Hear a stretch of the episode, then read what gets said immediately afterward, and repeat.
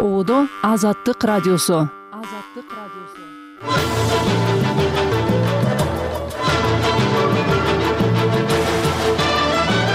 Саламатсызбы угарман азаттыктын таңкы берүүлөрүн баштайбыз. Микрофондо мен түмөнбай абдинаби уулу берүүнүн жүрүшүнөн кыскача бишкекте борбор азия өлкөлөрүнүн жана европа биримдигинин өкүлдөрү ооганстан боюнча талкуу өткөрдү. Жакында эле орустар менен кытайлардын позициясы дагы талиптер расмий бийлик катары таанышыбыз керек деп акырындап башкача айтканда могу жийип келатат да. Жогорку кеңеш чет элдик өкүл жөнүндө мыйзам долбоорун кайра кароо үчүн комитетке кайтарды.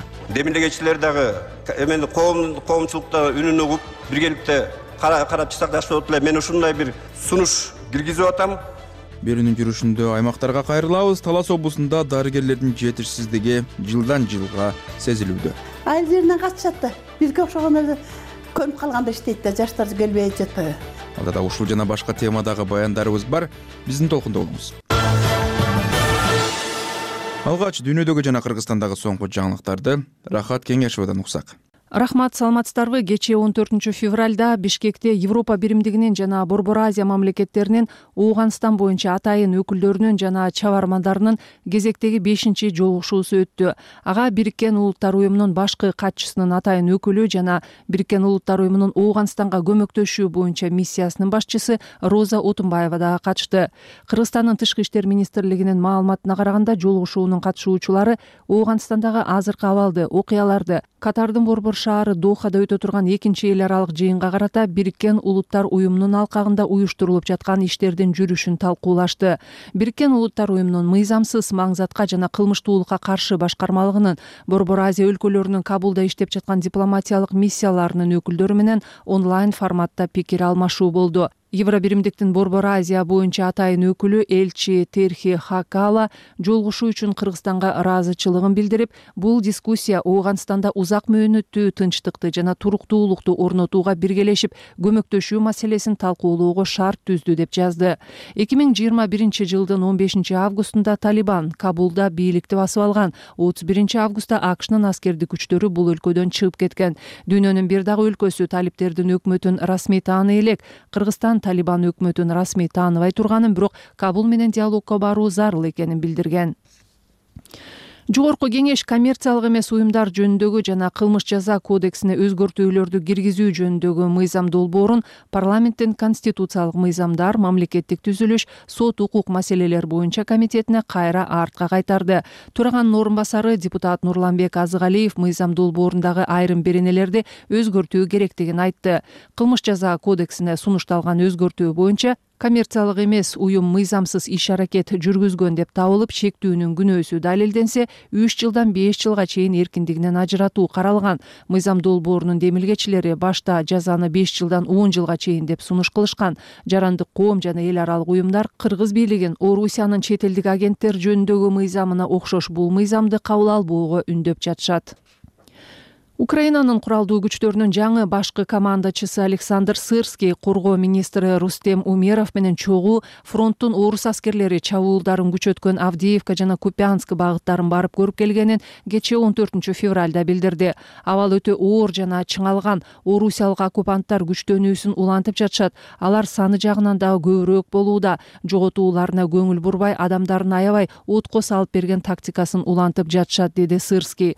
Колубуздагы ресурстарды жана биздин аскерлердин муктаждыгын анализдеп чыктык. Жыйынтыгында биздин аскердик бөлүктөрдүн күжүрмөн дареметин бекемдөөгө жана душмандын аракеттерин алдын алууга багытталган бир катар маанилүү чечим кабыл алдым деди сырский. Украинанын донецк облусундагы чакан шаар авдеевка үчүн орусиялык аскерлер согуш башталган эки миң жыйырма экинчи жылдын февралынан бери кармашып келе жатышат. Бешинчи февралда украиналык абройлуу депстейт аналитикалык порталы бул шаарда абал начарлап баратканын ал эми украиналык аскердик талдоочу михаил жирохов украина же бул аймактагы гарнизонун бекемдеши же аскерлерин чыгарып кетиши зарыл болуп турганын белгилешкен.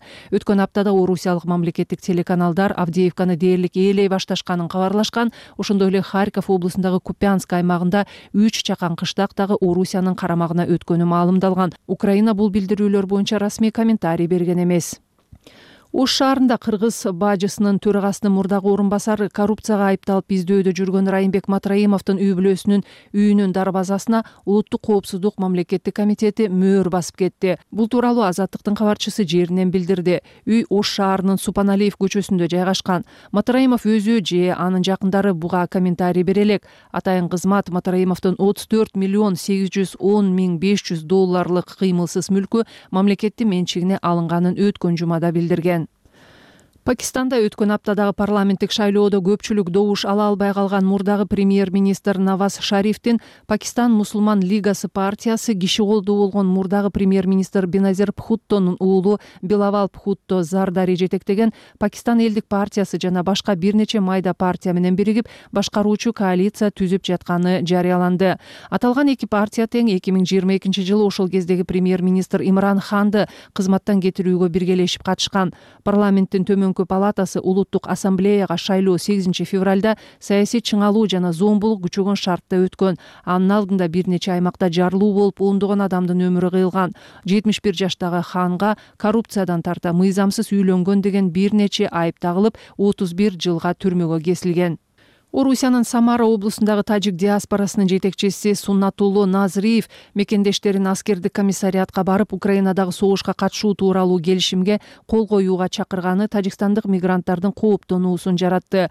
Назриев мекендештерин whatsapp тайпасына жыйырма бешинчи февралга чейин жашаган жериндеги аскер комиссариатына барууну эскерткен. Ал эми паспорт ала электерге жана алардын үй бүлө мүчөлөрүнө орус бийлиги жарандыкты жеңилдетилген шартта берерин. Эгер келишимге кол койбосо өз өзүлөрү да жакындары да орусиядан депортацияланаарын рейддер күчөй турганын белгилеген. Назриев кайра бул кайрылуусу орус жарандыгын алгандарга гана жолдонгонун ал жергиликтүү бийлик өкүлдөрүнүн өтүнүчүн жеткирүү аракетин гана кылганын тактап айткан. Соңку кезде орусияда мигранттарга каршы рейддер күчөдү. Дүйшөмбү орус жергесинде жетимиш миңдей жараны миграциялык каттоодо экенин билдирсе бейрасмий маалымат боюнча алардын саны миллиондон ашат бишкекте борбор азия өлкөлөрүнүн жана европа биримдигинин ооганстан боюнча атайын өкүлдөрүнүн кезектеги жолугушуусу өттү. Анда талибан башкарып жаткан ооганстандагы гуманитардык кырдаал маңзат бизнесине жана эл аралык терроризмге каршы күрөшүү боюнча эксперттик пикир алышуулар болгон. Айрым жергиликтүү талдоочулар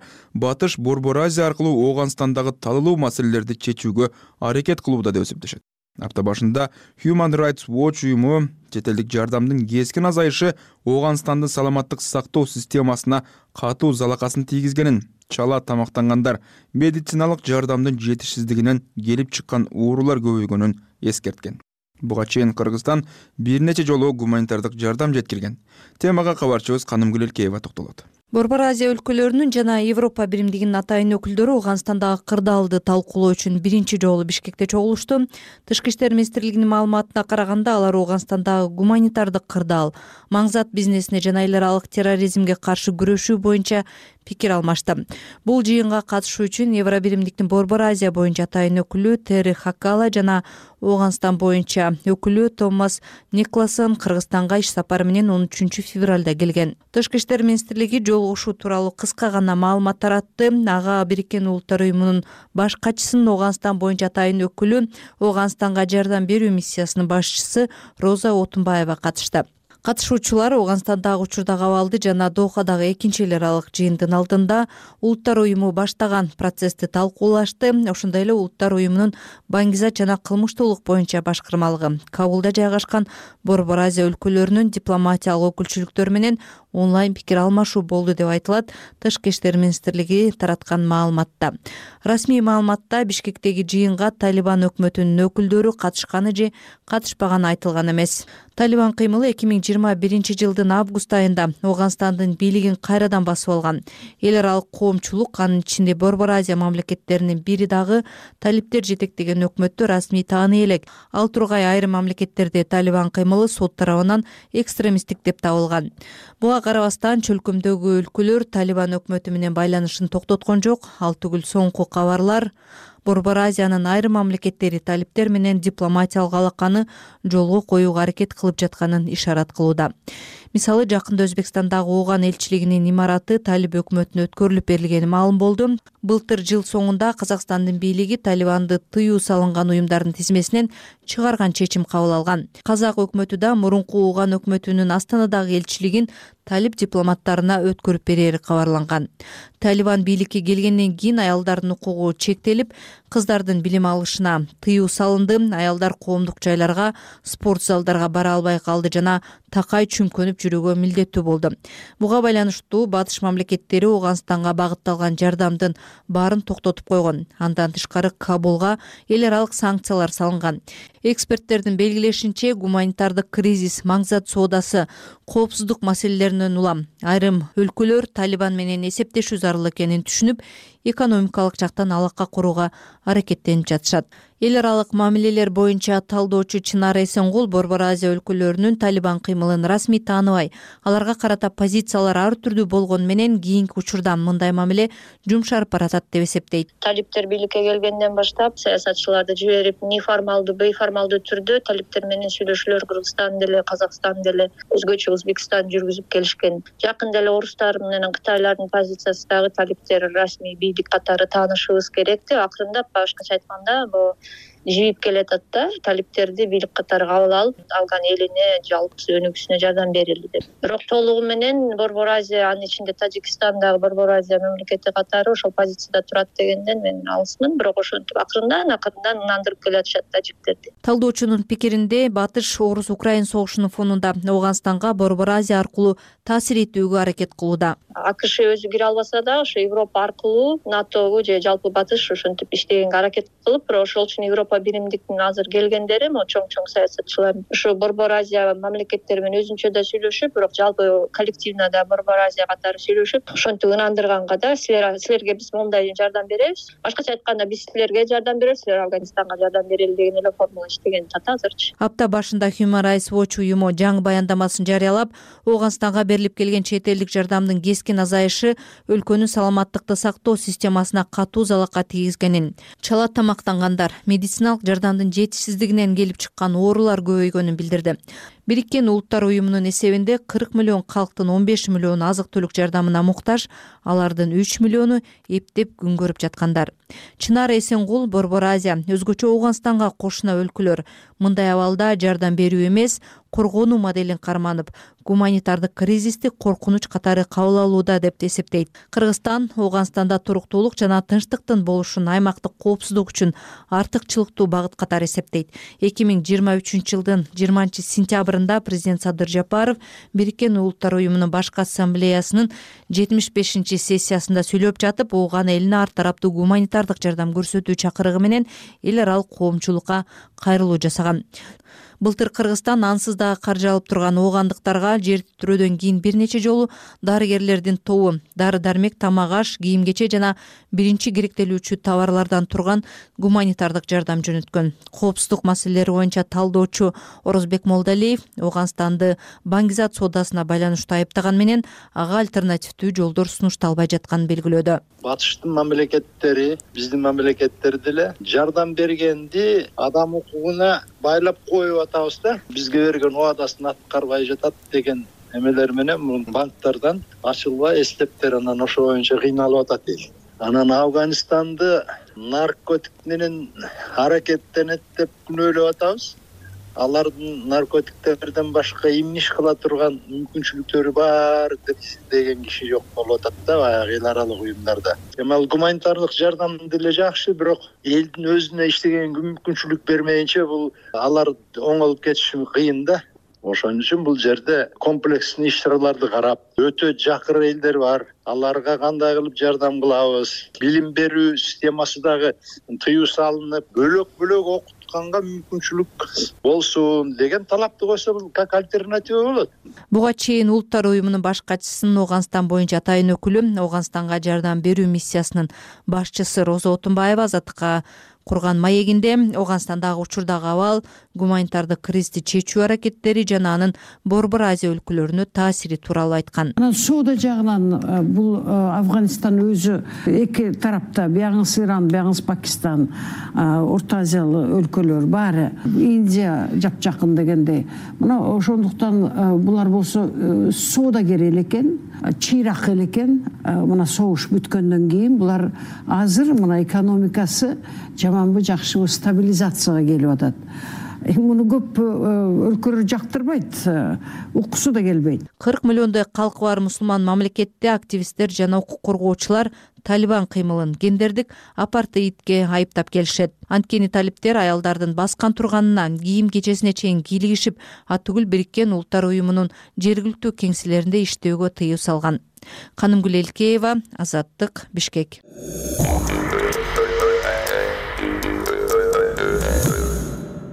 берүүбүздү улантабыз жогорку кеңеш коммерциялык эмес уюмдар жана кылмыш жаза кодексине өзгөртүүлөрдү киргизүү жөнүндө мыйзам долбоорун парламенттин конституциялык мыйзамдар мамлекеттик түзүлүш сот укук маселелери боюнча комитетине кайра артка кайтарды. Айрым депутаттар коомчулуктун үнүн угуп документтин айрым беренелерин өзгөртүү зарыл экенин айтышты. Юристтер бул мыйзам баш мыйзамга каршы келерин билдирип жатышат сөз кабарчыбыз кундуз кызылжаровада. Парламенттин он төртүнчү февралдагы жыйынында коомчулукта чет элдик өкүл деген ат менен таанылган мыйзам долбоору төртүнчү маселе катары каралаары көрсөтүлгөн. Бирок депутат чыңгыз ажыбаев аны кайра комитетке кайтаруу керектигин сунуштап аны жетимиш эки депутат колдоду. Жогорку кеңештин төрагасынын орун басары депутат нурланбек азыгалиев чет элдик өкүл тууралуу мыйзам долбоорундагы айрым беренелерди өзгөртүү керектигин айтты экинчи мыйзам долбоорунун экинчи беренесинде жарандардын инсандыгына жана укуктарына шек келтирген коммерциялык эмес уюмдарды түзүү үчүн жоопкерчиликти кароо сунушталган.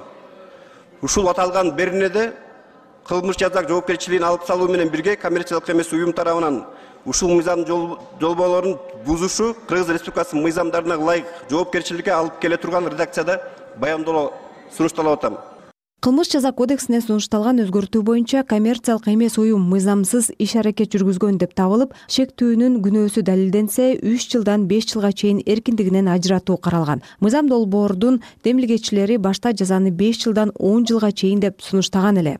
Депутаттардын бири гуля кожокулова какая либо организация юридическое лицо юридикалык жак кандайдыр бир кылмыш жасаса мисалы бийликти алмаштырууга чакырык жасаса алар үчүн өзүнчө беренелер бар. Тагыраагы баардык кылмыштар үчүн кылмыш жаза кодексинде жазылган жазасы каралган беренелер бар. Бейөкмөт уюмдар үчүн өзүнчө жаңысын ойлоп чыгаруу туура эмес. Өлкө гумандуулук жолуна ыктап криминалга каршы болуп жаткан кезде жаңы жазаны ойлоо биздин ушул багытка туура келбей калат. Бул мыйзам долбоорун ушул бойдон кабыл алуу болбойт. Мыйзам кандай колдонулуп кандай ишке ашаарын караш керек. Азыр иштеп аткан мыйзам боюнча баардык укук коргоочу көзөмөлдөөчү мамлекеттик органдардын тиешелүү ыйгарым укуктары жакшы каралган. Алар бейөкмөт уюмдардын ачыктуулугун юстиция министрлиги каттоосун каржылык операцияларын улуттук банк прокуратура мыйзамдын аткарылышын карай алат. Башкача айтканда ыйгарым укуктары жетиштүү эле.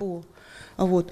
То есть полномочий достаточно жыйырма үчүнчү январда конституциялык мыйзамдар мамлекеттик түзүлүш сот укук маселелери боюнча комитети коммерциялык эмес уюмдар жөнүндө мыйзамга өзгөртүү киргизүү боюнча документти экинчи окууда колдоп парламенттин жалпы жыйынына жөнөткөн. Мыйзам долбоору эки миң жыйырма үчүнчү жылы жыйырма бешинчи октябрда жогорку кеңеште биринчи окууда кабыл алынган. Адилет укуктук клиникасы надира нарматова негизги автор болгон документтин биринчи вариантын иликтеп чыгып ал орусиянын чет элдик агенттер жөнүндөгү мыйзамына токсон сегиз пайыз окшош экенин аныктаган. Андан кийин толукталган документ орусиянын мыйзамынан да катуураак чараларды көрүүгө багытталганын аталган клиника аныктап чыккан. Ошондуктан адилет укуктук клиникасынын жетекчиси чолпон жакупова мыйзам долбоорун кабыл алууда негиз жок деп эсептейт значит администрация президента сама нас пригласила. Президенттин администрациясы чакырып коррупцияга каршы саясатты жүргүзүүдө биз катышуудабыз андан сырткары тиги же бул укуктук нормативдик актыларга өзгөртүү киргизүү боюнча иштешип атабыз. Бирок сунушталып аткан бул мыйзамга ылайык мен сырттан каржы алып аткан уюмдун өкүлү катары мындай багытта иштей албайм. Себеби мен сунуш берсем демек мен чечим кабыл алуу процессине кийлигишип мамлекеттик саясатка тоскоол болуп аткан болуп калам. Кандайдыр бир логика болуш керек да. Маселен бир колуңду көтөрүп бизге жардам бер жумушчу топко кошул деп атасың. Бирок экинчи колуңду көтөрүп сенин бул ишмердүүлүгүң туура эмес деп атасың. Сырттан каржылангандардын баары башка мамлекеттердин кызыкчылыгын коргоого багытталган дей турган болсок анда ошол эле мамлекеттик органдар да грант албашы керек. Эч ким албасын анда себеби тең укуктуулук болушу зарыл. Азыр бизди дүйнө шылдыңдап атат. Сотко эксперт катары жыйынтыгын бергендер мыйзам чыгаргандарды карап алышып өлкөдө конституциялык сот бар конституциялык укук боюнча адистер бар. Алар кеңешин берсин мүчүлүштүктөрдү алып салсын. Ошондо мыйзамдан эч нерсе калбайт. Себеби ал баардык нормаларга каршы келет. Он останется пустым потому что он весь вот такой он весь противоречивый мыйзамдын автору надира нарматова бул документ мамлекеттин коопсуздугуна кам көрүү багытында иштелип чыкканын айтып ал өкмөттүк эмес уюмдардын ишине тоскоол болбойт деп кайталап келет. Эл аралык укук коргоочу уюмдар парламентте бейөкмөт уюмдардын ишмердигине олуттуу коркунуч келтирүүчү бул мыйзам долбоорун четке кагууга чакырып келишет. Кундуз кызылжарова нурлан бейшебаев азаттык бишкек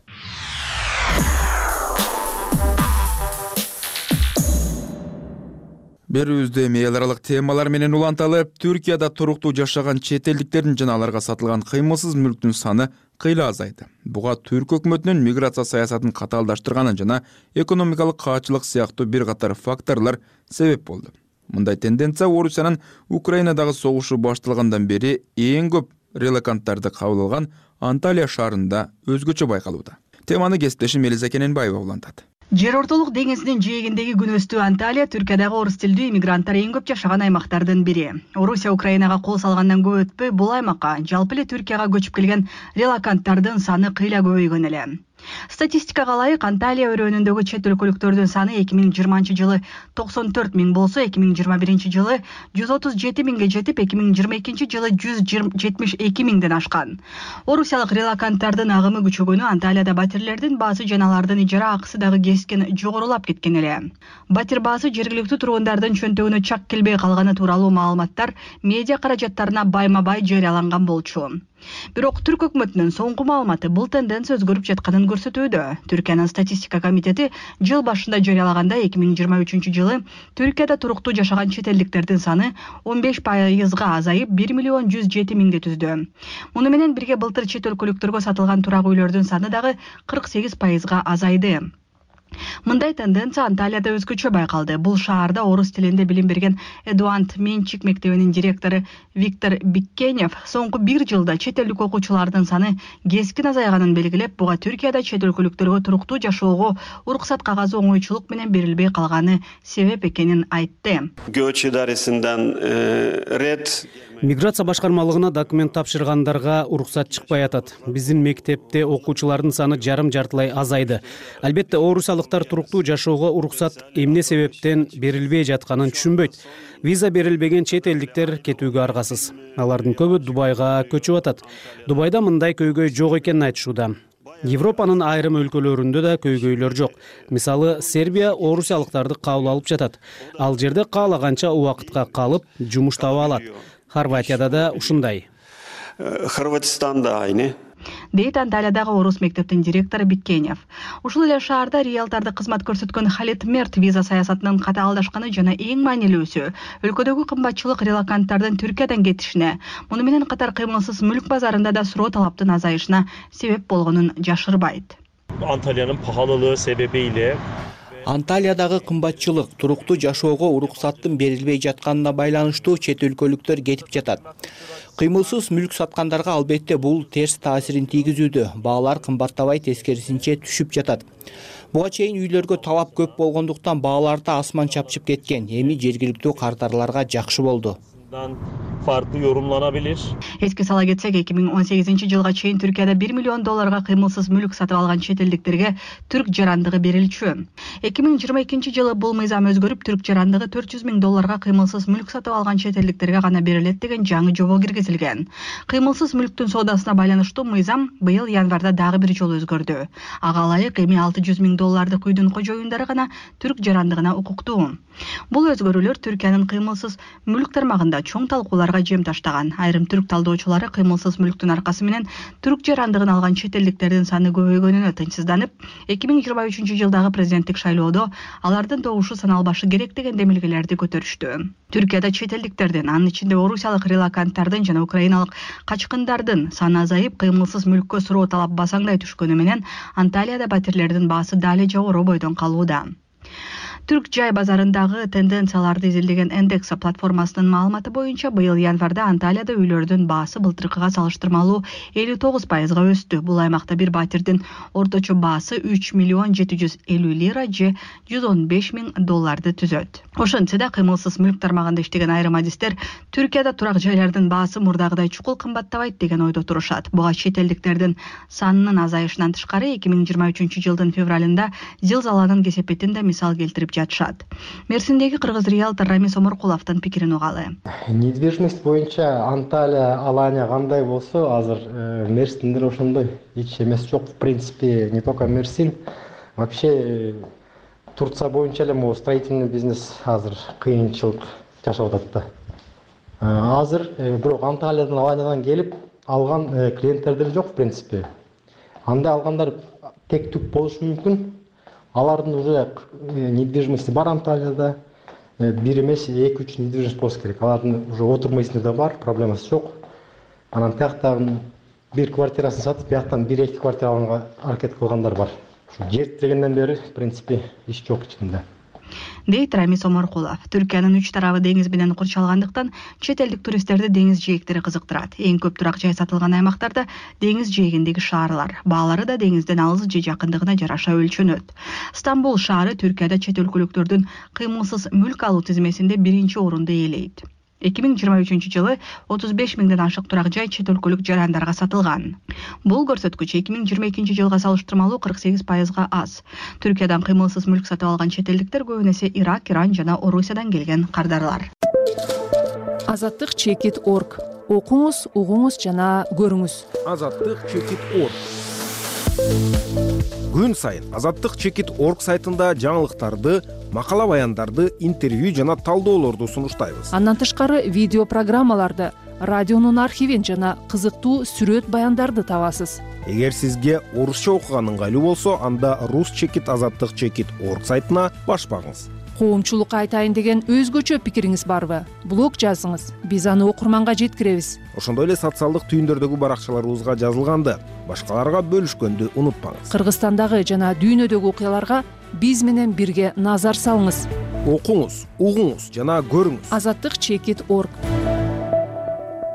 Эми борбор азия темаларына кайрылалы өзбекстанда бүбү бакчылар жин чыгаруу ырымында дуба окуу менен бирге адамды уруп сабашат. Коңшу өлкөдө соңку кездери жин кубалаган табыптар социалдык тармактар аркылуу ишин жүргүзүп аларга болгон суроо талап өстү былтыр өлкөдө жин чыгаруу өлүм менен аяктаган учур катталган. Кабарчыбыз айгерим акылбекова баяндайт былтыр өзбекстандын ташкент облусунда ушундай ырым кейиштүү аяктаган ак курган районунда эки адам кырк эки жаштагы аялды жин чыгаруу учурунда өлтүрүп алышкан. Курган райондук соту эки адамды өзбекстандын кылмыш жаза кодексинин жүз алтымыш сегизинчи беренеси алдамчылык жана жүз экинчи беренеси этиятсыздыктан адам өлүмүнө алып келүү боюнча кылмыш жасаган деп тапкан.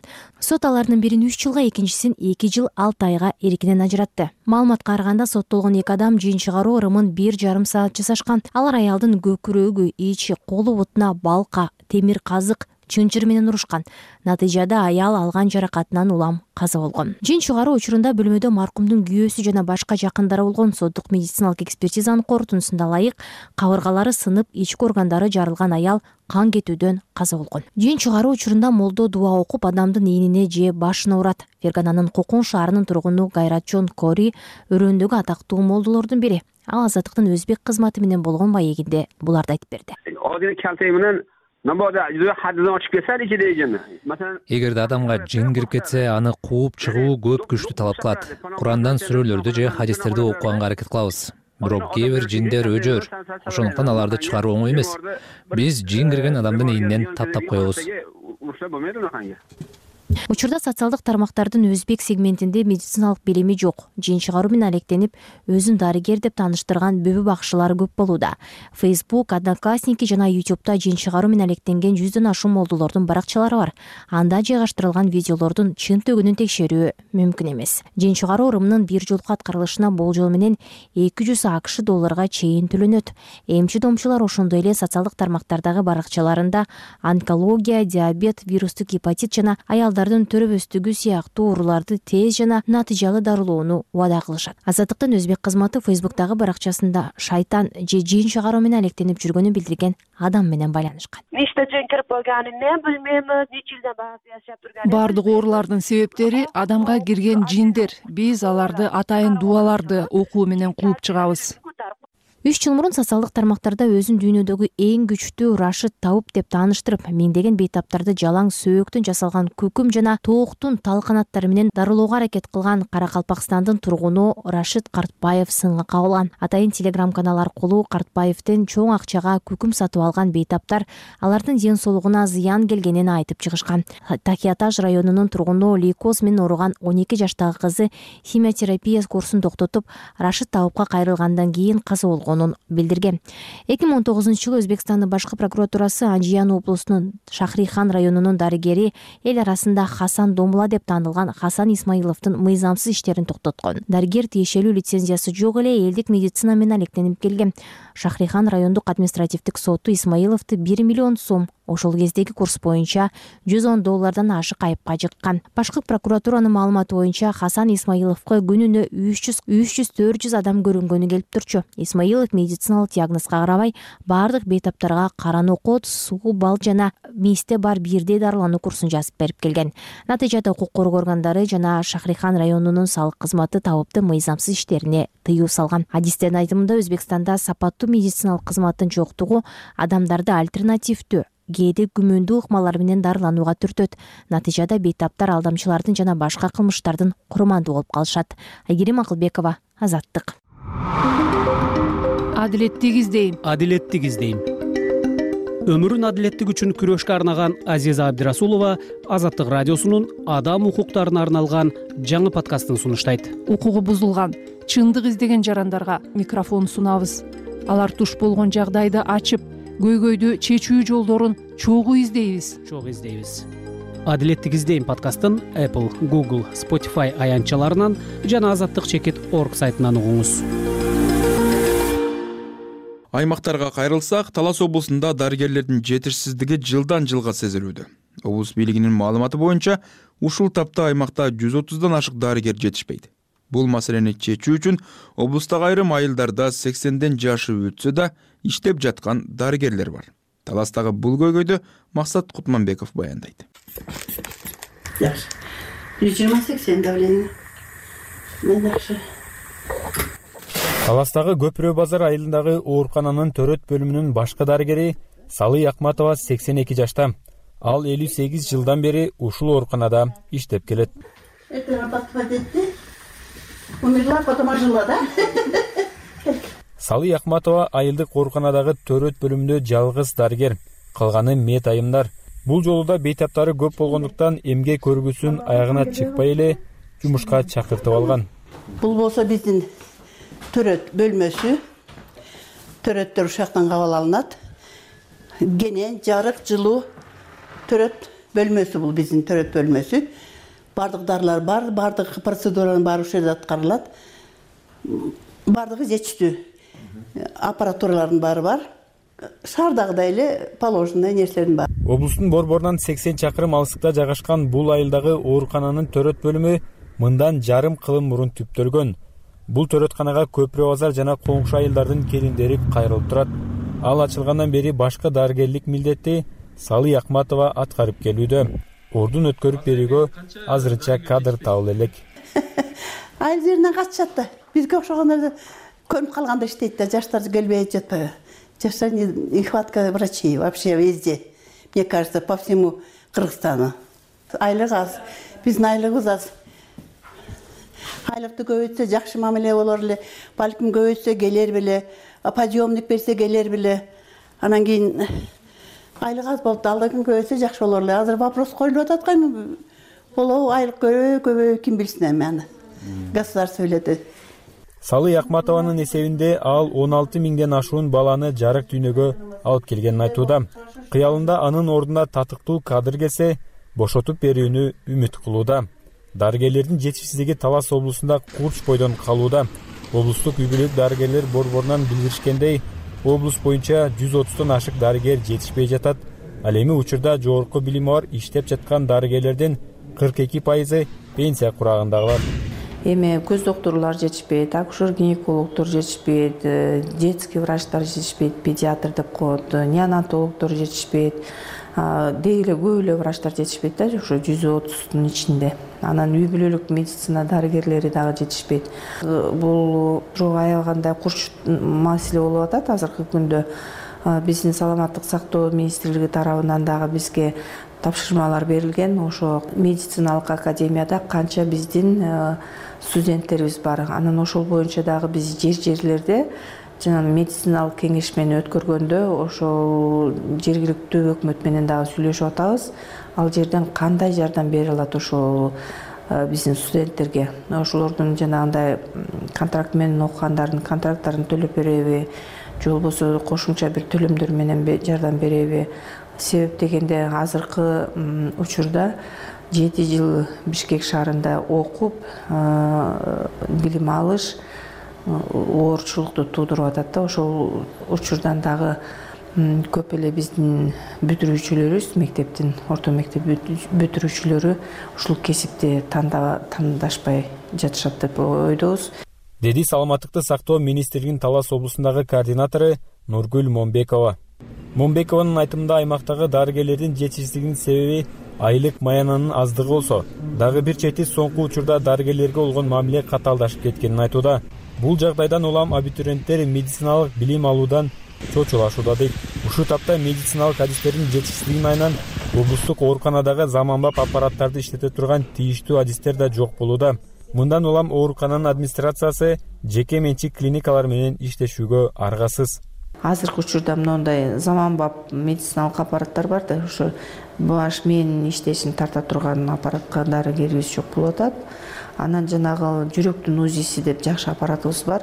Ал боюнча биз частный э, жеке менчик э, клиникадан келип бизге суббота күндөрү келип тартып берет. Ошол учурда Э, калкыбызга жардам берүүгө аракет кылабыз. Буга чейин президенттин мурдагы таластагы өкүлү бакытбек нарбеков облустагы дарыгерлердин жетишсиздигин жоюу максатында дарыгер кызга үйлөнгөн жигиттерге элүү миң сом берерин айтып эки үй бүлөгө акчалай сыйлык бергени маалым болгон. Баш кошкондугуна байланыштуу элүү миң сом сүйүнчүсүн берип атабыз. Берсеңиздер. Бирок мындай жөрүлгө ал кызматтан кеткенден кийин токтоп калганын облустук бийликтен билдиришти. Максат кутманбеков азаттык талас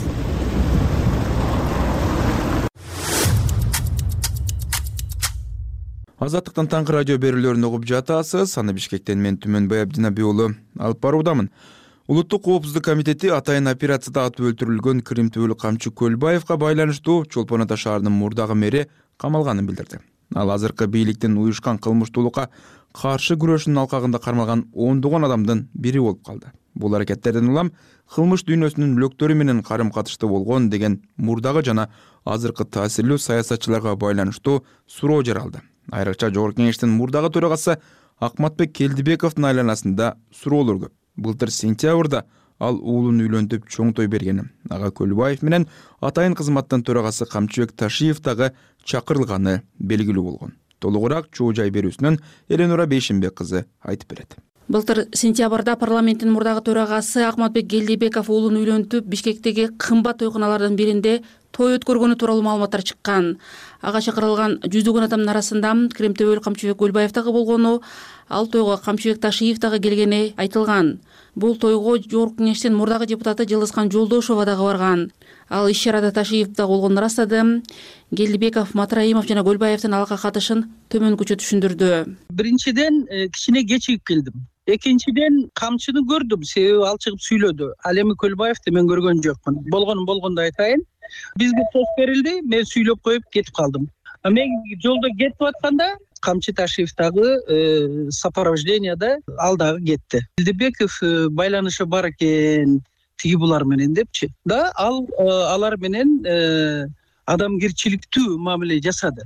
Ушул менин коллегаларым түрмөдө отурганда коля киргиз чынында эле канатына калкалаган. Муну баары билишет ал асхатбек келдибеков аны унуткан жок. Муну адамгерчиликтүү мамиле десе болот. Экинчиден матраимов менен э, мамилеси бар экен да биз кыргыздар өтө аз калкпыз. Тем более саясатта баарыбыз бири бирибизди тааныйбыз мисалы үчүн матраимовду да мен тааныйм ал менин жердешим кара сулукпуз анан кантип бири бирибизди тааныбайбыз азаттыктын ишенимдүү булактары келдибеков гүлбаевди сыйлуу конок катары чакырган тоюнан кийин атайын кызматта сурак берип чыкканын билдиришкен буга байланыштуу улуттук коопсуздук комитети экс спикер жана анын жакындары дагы комментарий берген эмес.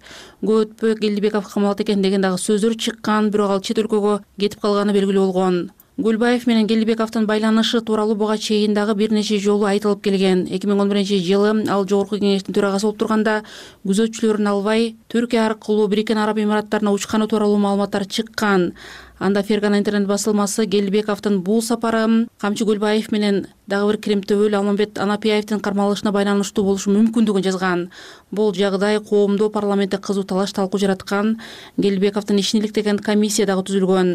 Анын алдында парламенттеги ата мекен фракциясы келдибеков ысык көлдөгү капризе салуу борборунда көлбаев менен жолуккан деген маалымат тараткан атайын кызмат ал экөө бир эле маалда капризе болгонун ырастаганы менен жолугушканы тууралуу маалыматтар тастыкталган эмес деп билдирген.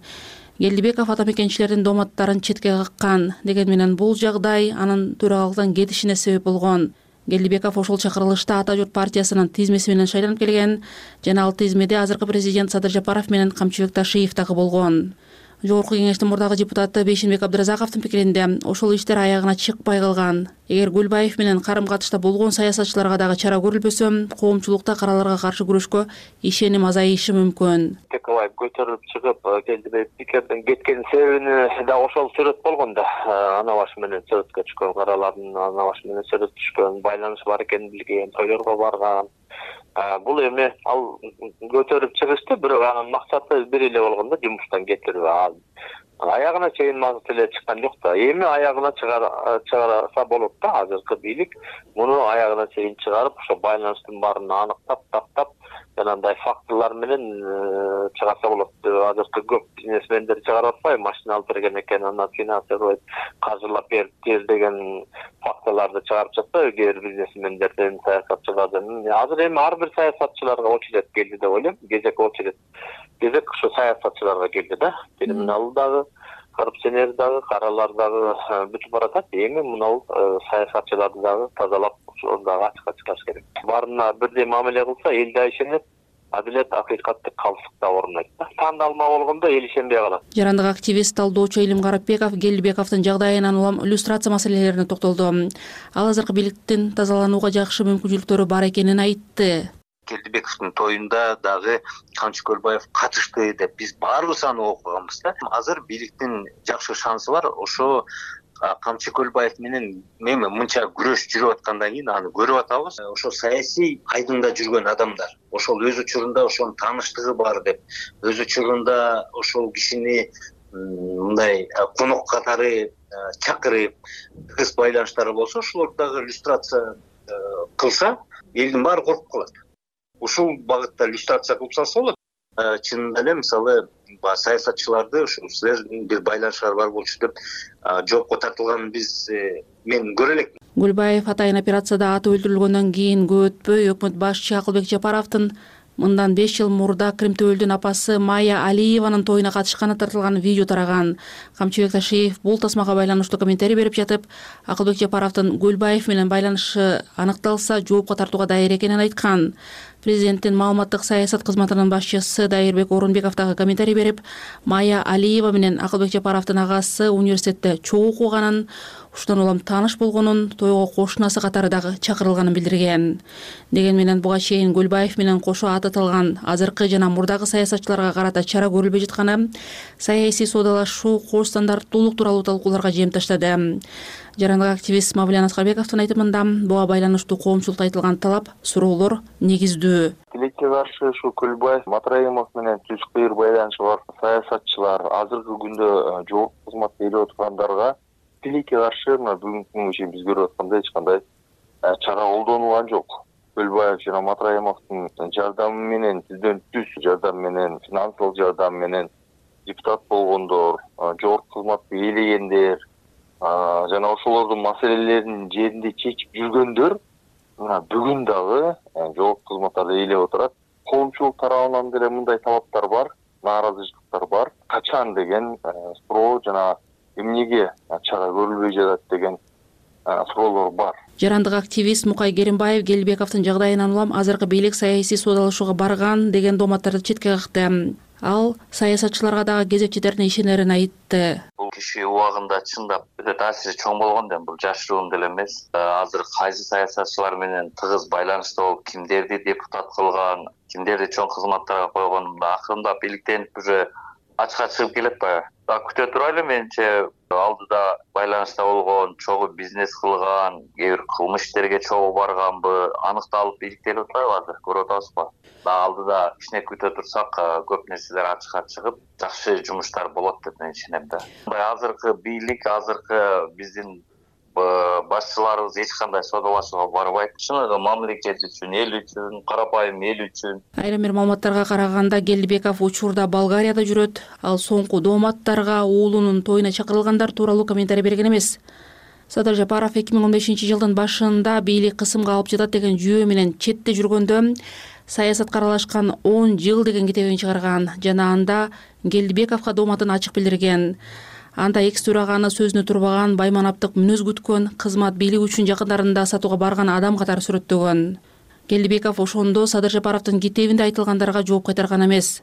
Президент азыр келдибеков тууралуу үн ката элек. Элеонора бейшенбек кызы азаттык маданий жана адабий. Руханий жана тарыхый маектер. Азаттык радиосунун сыябан түрмөгүндө. Сыябан түрмөгүндө. Үмүттөнө берем да.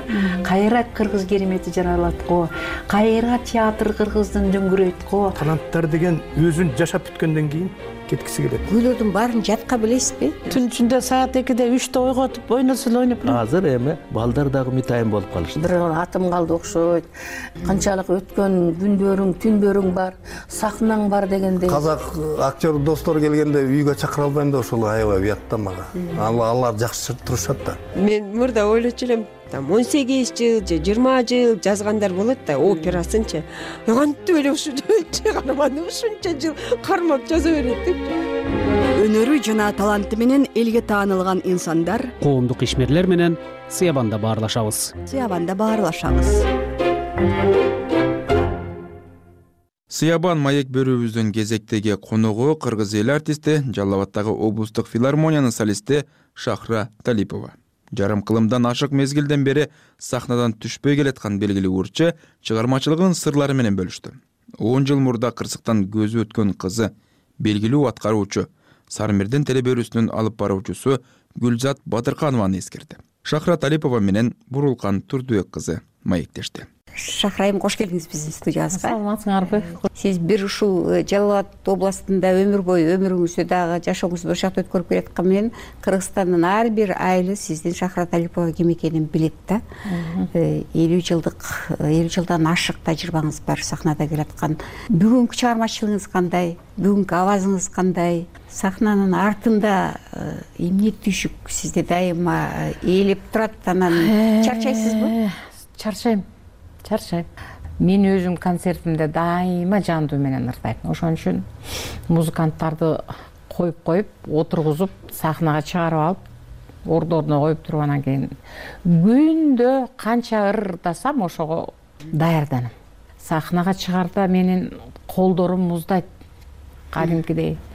Буттарым титирейт канча элдин арасына чыксам деле ошондой. Уят болбой элге ушу жакшылап чыгармамды тартуулап берсем экен деп кудайдан тилейсиң э, бүгүнкү аудитория өзгөрдү? Мисалы сиз элүү беш жыл мурдагы менен бүгүнкү көрүүчүнүн айырмасы барбы? Анан бүгүнкү көрүүчү кандай ырларды каалайт уккусу келет? Көрүүчүлөрдө бар. Баягы илгеркидей болуп аншлаг болуп келе бербейт азыр эмне деген көп интернет деген көп. Э, атаандаштык аябай күчөдү ошон үчүн элди э, тартыш үчүн купулуна толтуруш үчүн аракет кылып жакшынакай кылып ырдап бериш керек да. И баралы деп анан кайта кайта звонить этип жанын койбой анан толуп келишет концертке анан ырдаганда дагы эл менен кошо жашаш керек. Көздөрүнөн билип калат да. Кандай болуп атканын анан ошолор менен кошо жашап ошолорду карап соп сонун болуп. А ошондой болсо анан кийин гармония болот. Болот. Атаандаштык. Атаандаштык деген нерсе сиз үчүн эмне атаандаштарыңыз болду? Сиз атаандаштык нерсени кандай эми түшүнөсүз атаандаштык атаандаштык болсо болгондур мен андай атаандаштыкты өзүм үчүн көргөн жокмун. Себеби менин үнүм башка менин көрүүчүм башка. Ар бир э, ырчыга ошол өзүнүн көрүүчүсү кол чаап колдоп тосуп алат анан менин үнүмдү башкалар тартып ала албайт да. Сиз мындай гастролдорго көп чыктыңызбы? Мен балдарымдын баарын талагыстандарда элдин арасында гастролдорду өткөрдүм да. Азыр эмне азыр жыргалда азыр ысык температура болсо нормальный бир жакшынакайда ак сарайларда ырдап атышпайбы союздун убагында сканын агит поезд деп койчу агит поездга чыкчубуз. Аябай дегенде кийинип алып кышты кыш дебей кыш азыркы кыш эчтеке эмес. Биз мондай кыштарда бийик кыштарда катып калган кардын үстүнө чыгып ырдаган күндөрүбүз болгон менин балдарым жанагы гүлзат марат мурат кыял деген кыздарым баары ошол командировкада жүрүп ат үстүндө деңиз ат үстүндө чоңойду биз араба анан эме. Грузовой деп койчубуз грузовой машина деп койчу да го грузовой дейт. Ошол жерге эки жагын столду коюп туруп ортосуна бешигим коюп алып анан бөлөп койчу мына ошондо да кармап албай. Учууларга барганда ошол жерде кемпирлер болот эле ошолорго дайындашылам. Апа мен ырдап келейин карап туруңуз. Мунагу уюңуздун сүтүнөн бышырып берип уччусун салып коюңуз карап туруңуз. Деп жанталашып кийинип анда дагы апапак көйнөктөрдү кийип апрон көйнөктү туфлилерди кийип анан ырдап берчүбүз колдоо мамлекеттик колдоо жакшы эле болчу беле ал кезде? Эмне ал кандай убакта колдоо эми айлык. баарыбызга бирдей э, айлык коюп берчү. Баарыбыздын айлыгыбыз жашаганыбызда окшош болчу сен байсың. Жетекчилер деле мисалы үчүн? Мен көрүп калдым жетекчилердин деле үйү деле жөнөкөй болчу ал убакта. Окшош бири бирине айлык менен жашачубуз баарыбыздын айлыктарыбыз меники жүз элүү сом болчу анан бир жарым ставка кылып кошуп берип э, бир ушу эки жүз сомдон ашыгыраак айлыгым кайсы жылдар? Ушул сексен үч э, сексен биринчи жылдары болчу да. Чоң айлык да э ошол ал ошо 200 чоң айлык. Мен ошол айлык менен бир айдан бир айга кенен жетип бала чака кийим кечеге жетиши баардыгына идириги бар адамдар деп коелучу өнөрдүн уюткусу бар жерге умтулат да. Адатта эми бизде болсо ушул борбордо ошол эле филармония билбейм маданий э, административдик борборду көздөй умтулат да адатта бирок сиз ушул э, талантыңыз менен электе калдыңыз да аймакта калдыңыз. Бул сиздин өзүңүздүн тандооңуз болдубу же бир жагдай себепкер болдубу муну көптөр сурай берет да магачы ошонучу элеттен чыккан эл артисти мен элемин азыр жаңы ошон үчүн сурап атам.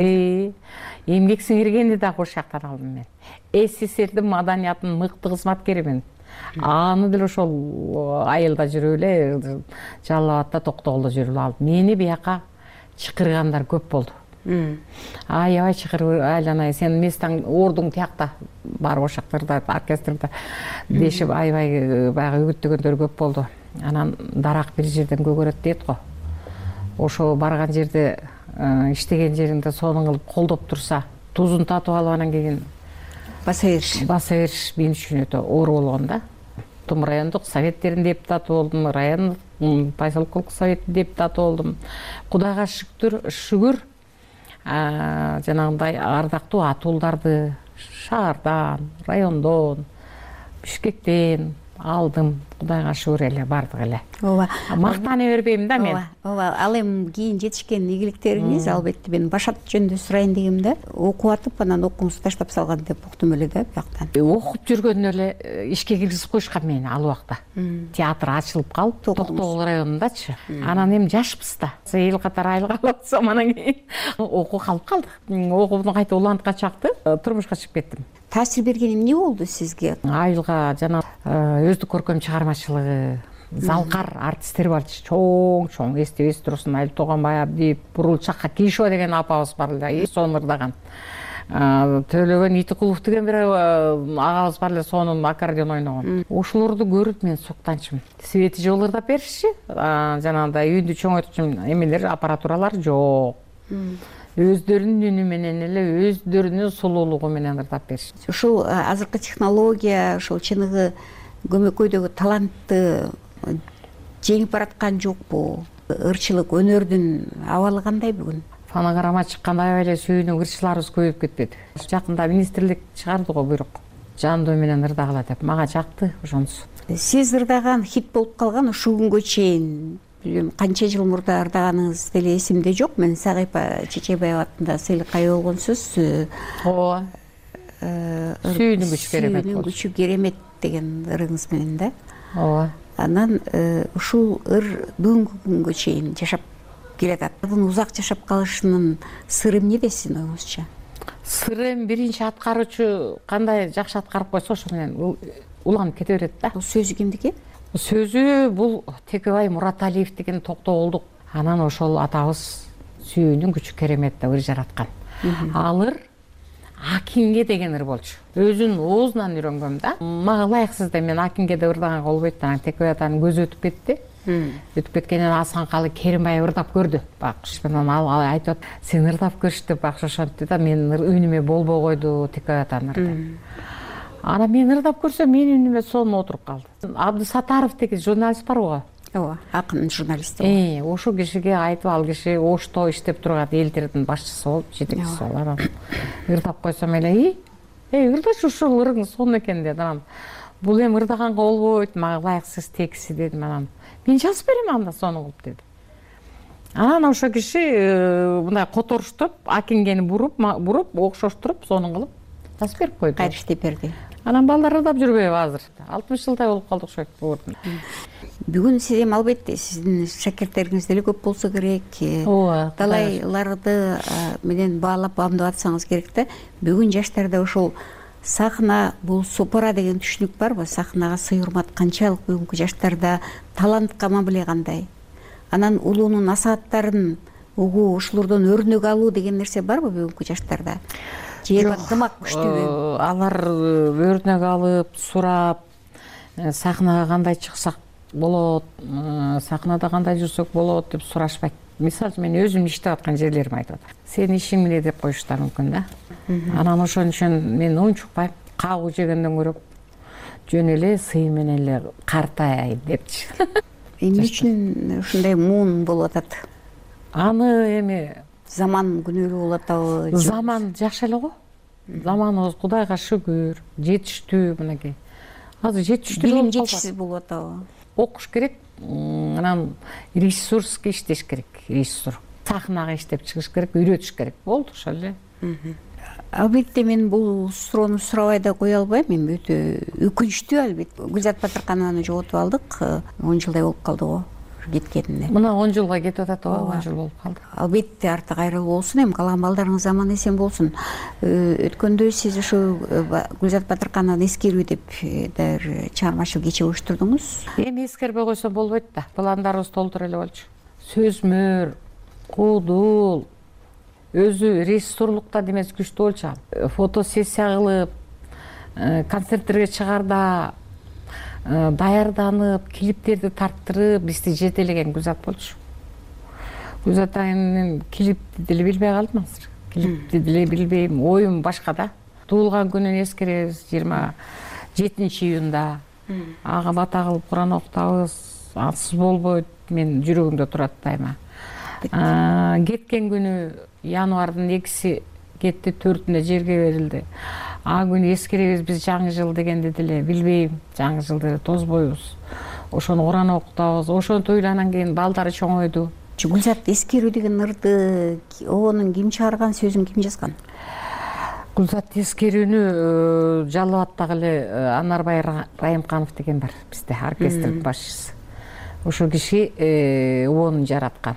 Акындар абдыкайым ашымбаев режиссерубуз бар матов деген алимбай ошол эле анарбай райымканов ошолор чогулуп алып текстин өздөрү жазган. Себеби эмне жана анарбайдын да баласы өтүп кеткен да башынан өткөн киши. Жазыш кыйын болуптур да буларгачы ырдаш андан бетер оор болсо керек. Ырдашып репсия кылып атканда баардыгы эле ыйлай берчү. Мен башталганда алар токтобой калчу. Ошентип ошентип атып зорго зорго чыгаргам аны эми калган балдарыңыз аман эсен болсун. Балдарыңыз негизи чыгармачыл үй бүлө экен сиздики? Э балдарым маратым аранжировщик чыгармачылык үй бүлө. Кыялым да чыгармачылык бирок окууну башканы бүткөн. Берки энергетик балам бар. Ал э, бизден кыйын. Кудай сактасын сизде качан бейэфис концерт болот? Качан бересиз чыгармачылык кудай концертиңизди буюрса жалал абадта берген атам. Сахнада элүү жыл юбилейлик концерт деп берген атам. Эми жашымы айтпайм да өздөрү билип алат элдер. Ошентип э, өзүбүздүн жалал абадтан э, областтан баштаган атам. Албетте өзүңүз тапкан кадыр баркыңыз бул сиздин талантыңыз өнөрүңүз өнөрүңүз болсун дайыма. Ийгиликтерди каалайм силерге чакырганыңарга рахмат. Ушул жамаатыңарга ден соолук каалайм. Элибизде тынччылык болсун урматтуу угарман көрөрман бүгүн биз азаттыктын сыябан берүүсүндө кыргыз эл артисти ырчы аткаруучу шахрат талипова менен маектештик. Маекте бишкек студиясында мен борулкан турдубек кызы сарыгул алып бардым. Аман болуңуздар. Урматтуу угарман ушуну менен азаттыктын таңкы берүүлөрүн жыйынтыктайбыз. Эфирден кеткен баяндардын макаласын азаттыктын азаттык чекит орг сайтынан окуп турууга чакырабыз. Берүүнү мен түмөнбай абдинабиұлы алып бардым жаңылыктарды рахат кеңешова айтып берди. Күнүңүздөр көңүлдүү улансын. Аман туруңуздар.